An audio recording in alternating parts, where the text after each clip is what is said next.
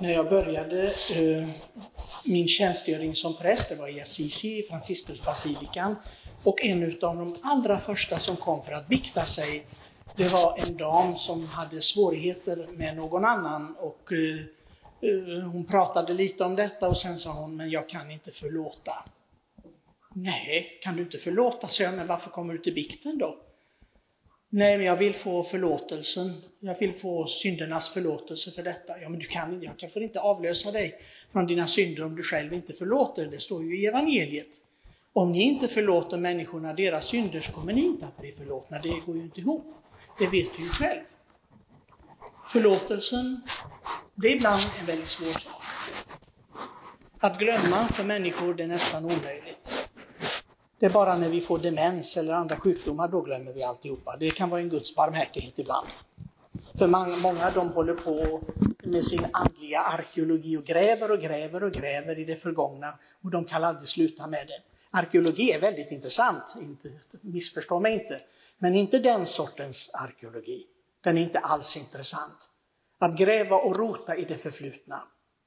Det enda vi ska komma ihåg, säger Guds ord, det är Guds välgärningar. Påminn er om Guds välgärningar, säger han. Inte om någonting annat. Gud bryr sig inte om att vi kommer ihåg det som är fel, det som är så att säga förkastligt. Han vill att vi ska börja om på nytt. Jag tror inte att man kan fira gudomlighetens, eh, den barmhärtiga eh, söndagen utan att tänka på eh, den förlorade sonen. Även om vi inte läser det stycket här, men jag har ju läst det för några veckor sedan. Eh, och det handlar just om Jesu beskrivning av hur Gud är som fader. Och det är en fantastisk berättelse. Eh, fadern där, han ger sig ut liksom så fort han ser sonen på långt avstånd och sonen som har förlorat sitt liv, gjort fel, stora fel. Han har inte ens hunnit säga förlåt mig fader. Men han har tänkt att vända hem igen, inte som son utan som en tjänare att förödmjuka sig själv. Och fadern vill inte veta av någon sån förödmjukelse. Han vill bara skänka sin förlåtelse. Han vill bara låta oss börja om helt på nytt som om ingenting hade hänt. Bara det finns en tillstymmelse till förståelse för det här. För den stora kärlek som Fadern hade. Den här berättelsen om Gud Fader, den barmhärtige Fadern, den liksom är också ett upprop till oss som har en fadersroll, alla våra pappor och till präster. Hur ska vi vara som fäder? Det är en speciell kallelse. Att representera Gud som fader, det är någonting oerhört. Vi vet att på jorden var det endast den helige Josef som fick göra detta i egen person, men rent allmänt, alla som är fäder på något sätt, har den här uppgiften. Och att vara så kärleksfull som den här fadern som Jesus talar om, den himmelske fadern, det är någonting oerhört. Många utav våra pappor, de kanske inte lever upp till det här och inte präster heller, tyvärr. Men då ska vi be för våra fäder, för det är viktigt. Vi ska ha förlåtelsens anda när det gäller även hur vi ser på dem. Idag så vill kyrkan att vi kommer ihåg just det vad det betyder att leva i Guds barmhärtighet. Det finns ett barmhärtighetens ABC som jag brukar ta upp. Eh, påve Johannes Paulus II, han sa flera gånger att han hade blivit påve, han visste att han hade blivit upphöjd till påvetronen just för barmhärtighetens skull. För att kunna förkunna barmhärtigheten och instifta den här söndagen barmhärtighetens söndag. Det var hans uppgift. Och i den här ABC för barmhärtigheten, för att sammanfatta den, vad den heliga Faustina och vad kyrkan lär om barmhärtigheten, så är den första punkten att be om barmhärtighet för sig själv och för andra. Gör vi det? Det är en viktig, viktig uppgift. I barmhärtighetens krona, som jag hoppas att alla kan, Många frågar mig ibland, vad är det viktigaste att be när någon ligger för döden eller svårt sjuk? Barmhärtighetens krona. Jesus säger det själv till heliga Faustina. Det finns ingen viktigare bön. För genom barmhärtighetens krona ska jag beskydda från de onda andarna som försöker släpa ner i avgrunden själen. Som försöker förgöra den och inte lyfta den upp så att den har hopp på min kärlek. Så barmhärtighetens krona ska vi be. Men vi ska be den, så att säga, för oss alla, inte bara för mig själv. Det är själviskhet och det är ingen sann kärlek. Jesus liv talar pronobis, säger kyrkan. Det handlar om pronobis, för vår skull. Och vi måste leva på samma sätt. Många helgon har talat just om detta, hur de lever sitt liv som en gottgörelse och som en påminnelse om att leva för andras frälsning. Bland annat den lilla Therese, Therese av, av Lisieux, som är så populär. Hon sa det, jag offrar mitt liv för prästerna och för själars frälsning. När hon sa detta så blev de andra systrarna väldigt nervösa i klostret. De tyckte att hon tog sig vatten över huvudet och sa, du kan inte säga så att du räddar själar. Jo, säger lilla Therese, jag vet att det ska bli stor glädje för mig när jag kommer till himlen och ser alla de människor som jag har varit med och räddat. Och då blev systrarna ännu argare. Hon sa, du räddar ingen. Det är bara vår frälsare Jesus Kristus som räddar. Fattar du inte det? Men vem hade rätt? Hon är kyrkolärare, de andra är bortglömda. Så man förstår vem som hade rätt. Gud upphöjde lilla Therese till att vara kyrkolärare och undervisa oss om detta som Paulus säger, som vi kanske inte har förstått alla gånger.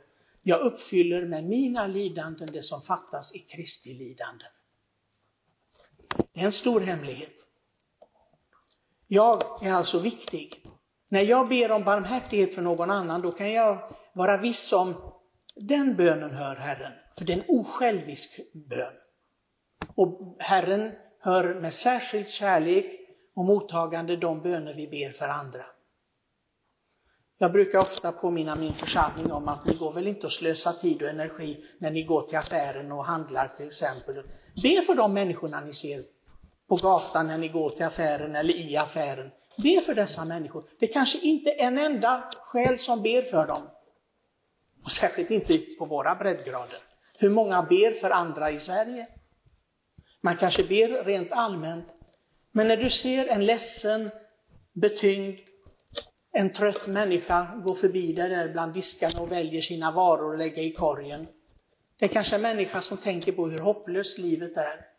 Då kan du vara en fredens ängel för den människan och bära den människans bördor och säga, Herre förbarma dig över henne. Hon verkar så trött, hon verkar så modlös.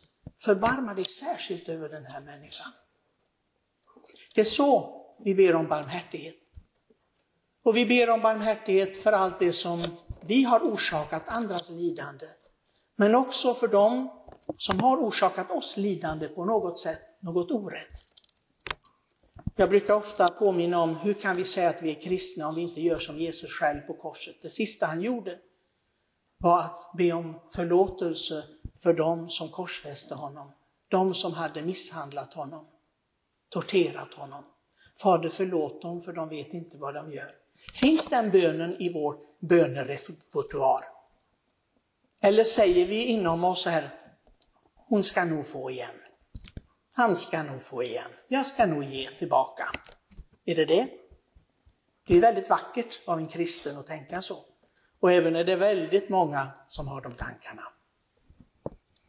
Men vi, vi kan bara tänka så här, Fader förlåt henne för hon vet inte vad hon gör.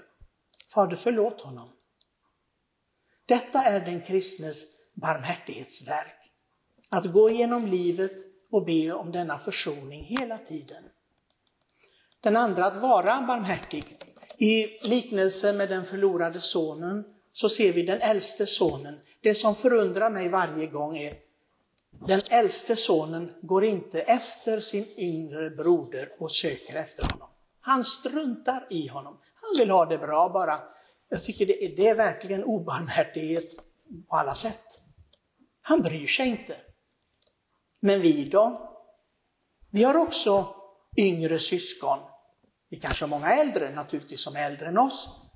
Men i kyrkan så är vi alla syskon.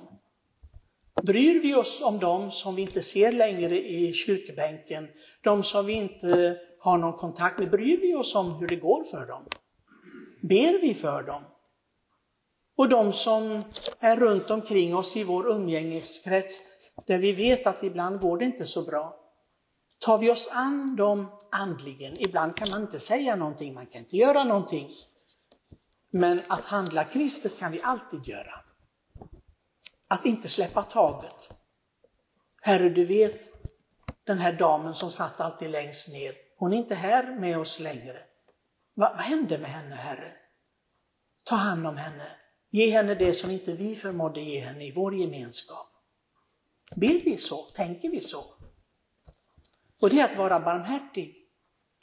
Inte som den äldste sonen, men den äldste sonen hade också ett annat stort fel. Han var inte glad över sin situation med Gud, med Fadern. Han var inte nöjd. Och han sa, varför festar du inte med mig? Varför ger du inte mig någonting så att jag kan vara glad? Och Fadern säger, men du är alltid med mig. Du har inte försvunnit ur min gemenskap. Du är här i familjen. Är du inte glad över det? Nej, det var han inte.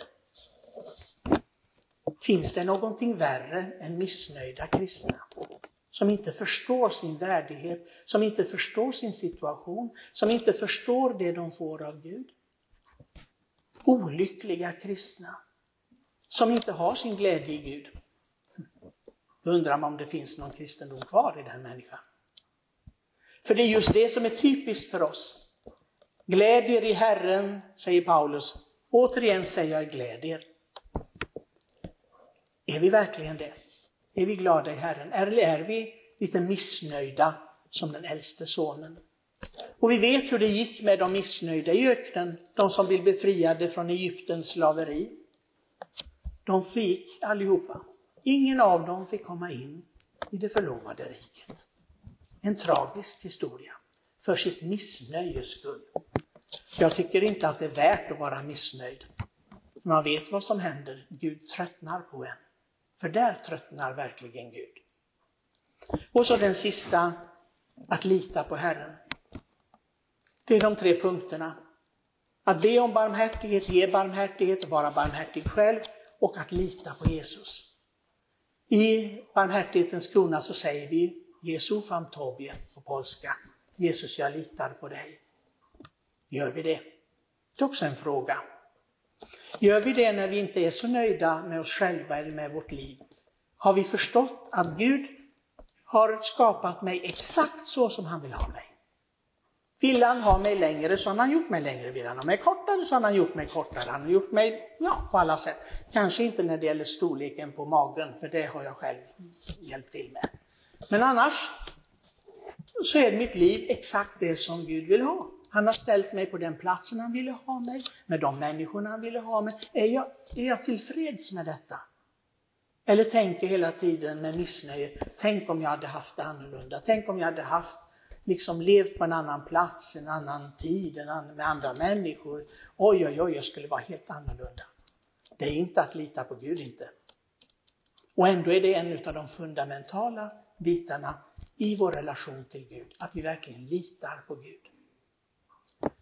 Må Herren ge oss sin ande så att vi kan leva upp till detta. Leva barmhärtigheten så som han vill att vi ska leva den.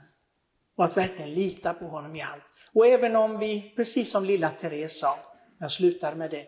Hon sa, även om jag hade begått alla synder i världen, sa hon, så skulle jag inte tveka ett ögonblick att kasta mig i hans armar. För jag vet vem han är. Låt oss säga precis samma sak. Amen. Nu ska vi sjunga